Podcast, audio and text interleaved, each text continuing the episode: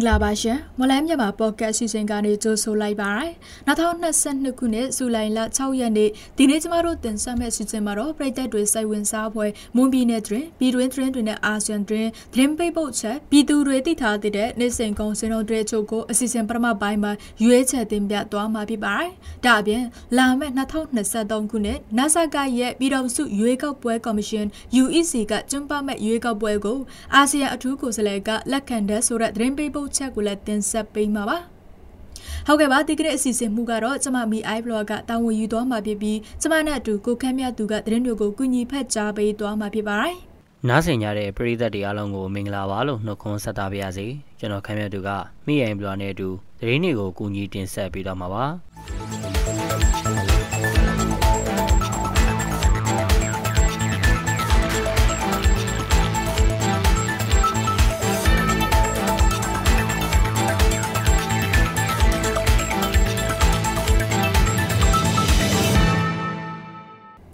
င်းမြန်မာနယ်စပ်ကရင်ပြည်နယ်ဖျားသုံးစုခိတအခြေဆိုင်ခလာရ284တက်ကြွကြီးတူဂေါက်ကွင်းအနီးကအရက်ဆိုင်ပေးမှာမနေ့ကညပိုင်းကတနက်ပြစ်တက်ခံရပြီးပြစ်ဆက်တူတနက်တလက်လက်ပါသွားတယ်လို့သိရပါဗျ။ဖျားသုံးစုမျိုးအမှတ်တရက်ကွယ်တစ္ဆာလမ်းမှာမနေ့ည၈နာရီချိန်ကကတက်ကြကြီးခင်မောင်ကျော်ဆိုသူကတနက်နဲ့ပြစ်တက်ခံရပြီးဘယ်အဖွဲ့အစည်းကလှုပ်ဆောင်တာလဲဆိုတာမသိရသေးပါဘူး။ ပြစ်တာ14ချက်လောက်ထိတာကအနည်းဆုံး9ချက်လောက်ရှိမယ်။ကောင်းရင်ဘက်ခါနေရထိသွားတာမနေဘူး။ညကဆေးရုံပို့ပြီးဆရာဝန်ကဒေဘီလို့အတိပြုပြတာနဲ့သူ့အလောင်းကိုတက်ရင်တဲ့ချက်ချင်းယူသွားတယ်လို့ဘုရားသုံးစုမြို့ခံတူကပြောပါရယ်။ အဲ့ဒီတက်ချက်ကြီးဟာညပိုင်းအချိန်များလမ်းဖြတ်တန်းတဲ့ကားတွေကိုဂိတ်ကျေးတောင်းခံလေးရှိတယ်လို့သူကဆက်ပြောပါရယ်။ဆက်အာနာယူပြချိန်ကစားပြီးဘုရားသုံးစုမြို့မှာရက်ွက်အောက်ချုပ်ရေးမှုအချို့ဖီကန်ပြောပါတီဝဲအချို့အပြင်မွန်ညီညိုရဲပါတီလွှတ်တော်အမတ်လောင်းတူလည်းမြည်မသိတဲ့နတ်သမားတို့ရဲ့ပြစ်တက်လောက်ကြံခံခဲ့ရပါတယ်။မော်လမြိုင်တက္ကသိုလ်ကျောင်းသားတမကဗ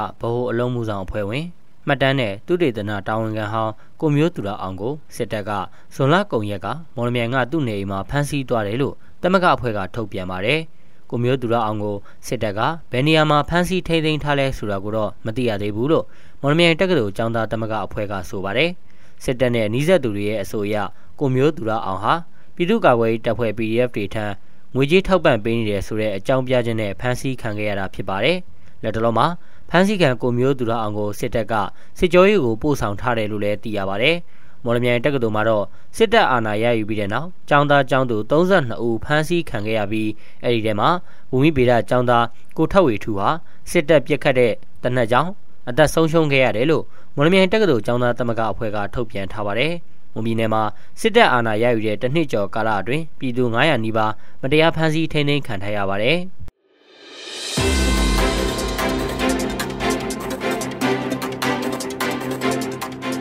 ကျွန်တော်တို့ရဲ့ online မြန်မာပေါ့ကတ်မြန်မာဘာသာအစီအစဉ်ကိုအားပေးနားတော်တာဆင်ကြတဲ့ပရိသတ်များခင်ဗျာကျွန်တော်တို့အတန်လွင့်အစီအစဉ်ကနေပြီးတော့ဝန်ပြည်နယ်မှာဖြစ်ပျက်နေတဲ့သတင်းတွေပြည်တွင်းငြိမ်းချမ်းရေးဖြစ်စဉ်တွေအပြင်မြန်မာနိုင်ငံသတင်းနဲ့အာဆီယံသတင်းတွေကိုအပတ်စဉ်တနင်္လာနေ့ကနေတောက်ကြနေ့မှာည9:00နာရီအချိန် Moon News Agency Facebook စာမျက်နှာမှာဝင်ရောက်နားဆင်နိုင်ကြလို့ online မြန်မာ podcast စာမျက်နှာမှာလည်းဝင်ရောက်နားဆင်နိုင်ပါပြီ။အားပေးကြတဲ့ပရိသတ်များအားလုံးကိုကျေးဇူးတင်ပါတယ်ခင်ဗျာ။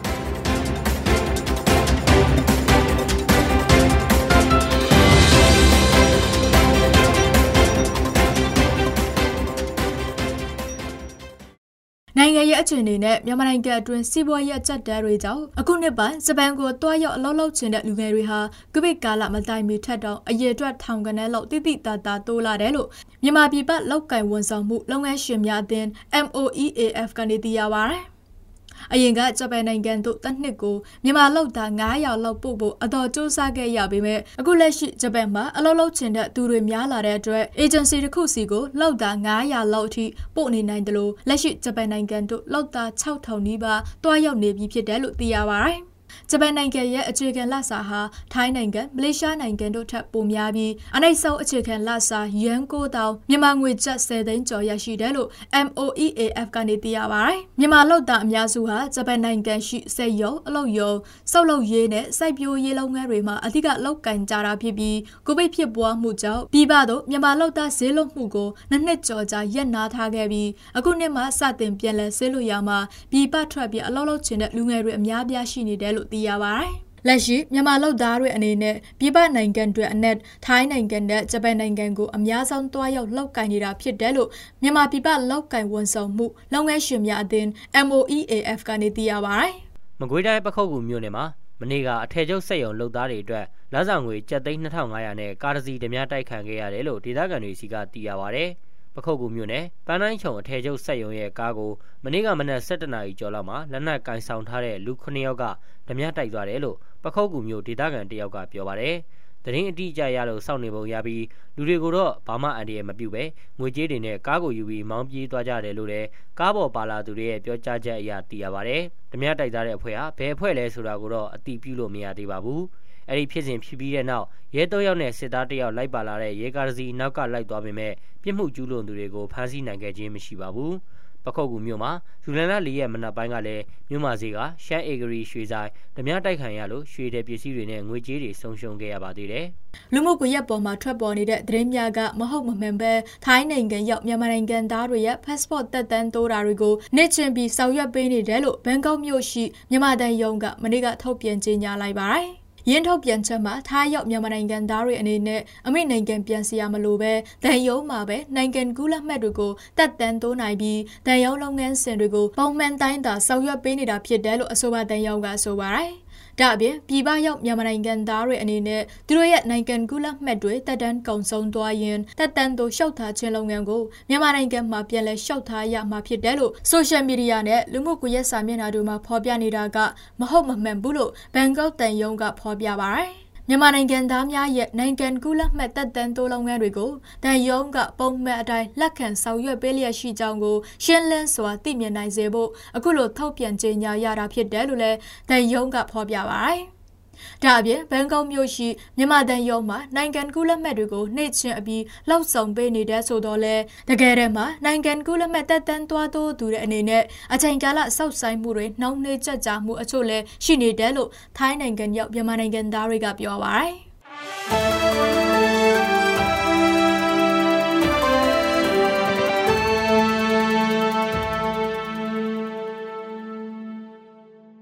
ဟုတ်ကဲ့ပါဆက်လက်ပြီးတော့ပြည်သူတွေသိထားတဲ့နေ့စဉ်ကုန်စည်နှုန်းတွေချို့ကိုမော်လမြိုင်ကုန်စည်တိုက်ကချက်လက်တွေကိုအခြေခံပြီးကျမကတင်ဆက်ပေးပါအောင်မယ်ဒီနေ့ဒေါ်လာဈေးကတော့အမေရိကန်ဒေါ်လာကိုဝယ်ဈေးမြန်မာငွေ1850ရှိပြီးရောင်းဈေးကတော့1855ရှိပါတယ်ရွှေစဲနှုန်းကမီလ16ပဲရေတကြက်သားကို20သိန်း9000နဲ့15ပဲရေတကြက်သားကို18သိန်း8000ရှိပါတယ် 73စီတွေကတော့ဒီဇယ်တလီတာကို2425ကျပ်အောက်သိန်း92တလီတာကို2115ကျပ်နဲ့95တလီတာကို2250ကျပ်အထိရှိတာပါ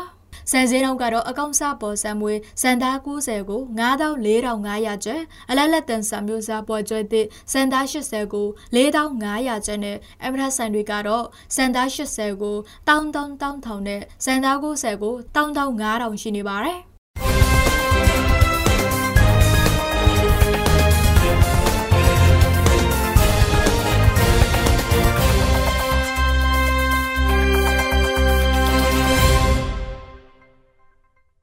အခုတင်ဆက်ပေးသွားတာကဇူလိုင်လ6ရက်နေ့မှာဖြစ်ပျက်ခဲ့တဲ့မွန်ပြည်နယ်တွင်ပြည်တွင်းတွင်နဲ့အာဇင်တွင်တို့ပြင်တနိဒ်သာစီစေးငွေစင်းနဲ့ကုန်စည်နှုန်းတွေကိုတင်ဆက်ပေးသွားတာဖြစ်ပါတယ်။ဆက်လက်ပြီးတော့လာမယ့်2023ခုနှစ်နိုင်ဆာကရဲ့ပြည်တော်စုရွေးကောက်ပွဲကော်မရှင် UEC ကကျင်းပမဲ့ရွေးကောက်ပွဲကိုအာဆီယံအထူးကိုယ်စားလှယ်ကလက်ခံတဲ့ဆိုတဲ့သတင်းပေးပို့ချက်ကိုစရောင်းနွန်ကတင်ဆက်ပေးပါမယ်ရှင်။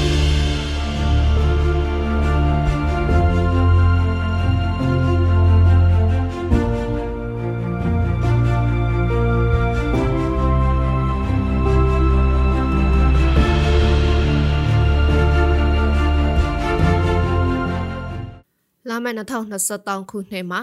နာဆာကရဲ့ပြည်ထောင်စုရွေးကောက်ပွဲကော်မရှင် UEC ကကျင်းပမဲ့ရွေးကောက်ပွဲကိုအာဆီယံထူးကိုယ်စားလှယ်ကလက်ခံကြောင်းရခိုင်ဥဆောင်ပါတီ AFP ရဲ့ဥက္ကဋ္ဌဒေါက်တာအီမောင်ကပြောပါတယ်။အာဆီယံထူးကိုယ်စားလှယ်ပရက်ဆိုခုံနဲ့နိုင်ငံရေးပါတီခုနှစ်ပါတီကကောင်းဆောင်တွေရန်ကုန်မြို့မှာတွေ့ဆုံစဉ်2023ရွေးကောက်ပွဲဟာမြန်မာနိုင်ငံရေးအချက်တဲ့ရဲ့ထောက်ပေါက်တစ်ခုဖြစ်တာကိုလက်ခံကြောင်းပြောကြားခဲ့တာဖြစ်တယ်လို့သူကဆိုပါတယ်။ နော်အဲ့တော့အာဆီယံကလည်းပြောတယ်ကျွန်တော်တို့ကလည်းသုံးသပ်တယ်2023နော် SCC ရဲ့နော်အထူးထူးရွေးကောက်ပွဲကြီးဟာနော်တကားတစ်ခုကိုဖွင့်လိုက်တယ်လို့ဖြစ်သွားမယ်နော်တနည်းအားဖြင့်ဒါ exit strategy အတွက်အရေးကြီးတဲ့အချက်မှရှိတယ်အာဆီယံကိုယ်စားလှယ်ကလည်းအဲ့ဒါမျိုးလက်ခံတယ်2023ထွေထွေရွေးကောက်ပွဲဟာ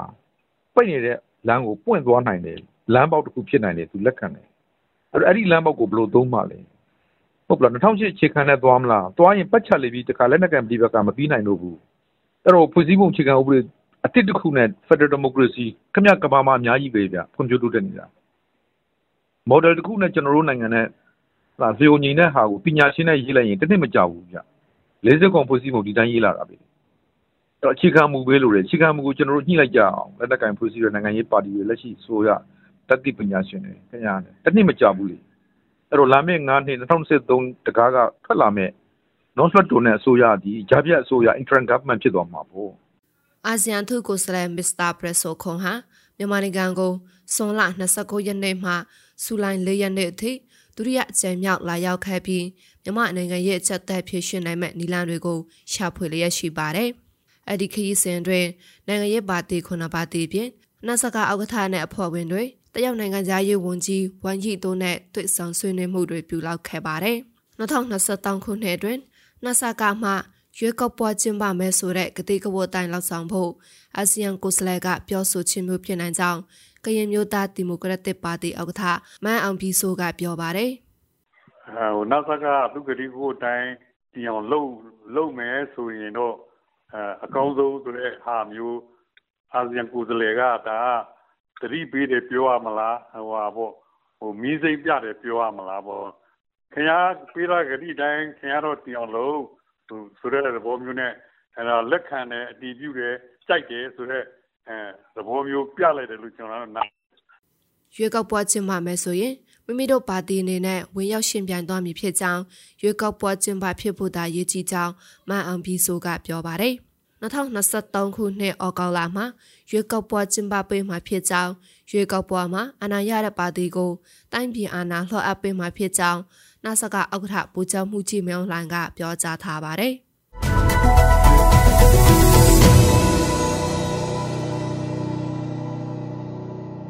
ကျွန်တော်တို့ရဲ့မွန်လိုင်းမြန်မာပေါ့ကတ်စီစဉ်ဒီမှာတင်ပြီးဆုံးပါပြီ။နားဆင်ကြတဲ့ပရိသတ်တွေအားလုံးကိုနောက်နေ့အစီအစဉ်တွေမှာဆက်လက်အားပေးကြပါအောင်လို့ဖိတ်ခေါ်ရင်းအစီအစဉ်ကိုအဆုံးသတ်ပါရစေ။အားလုံးကိုကျေးဇူးတင်ပါတယ်ခင်ဗျာ။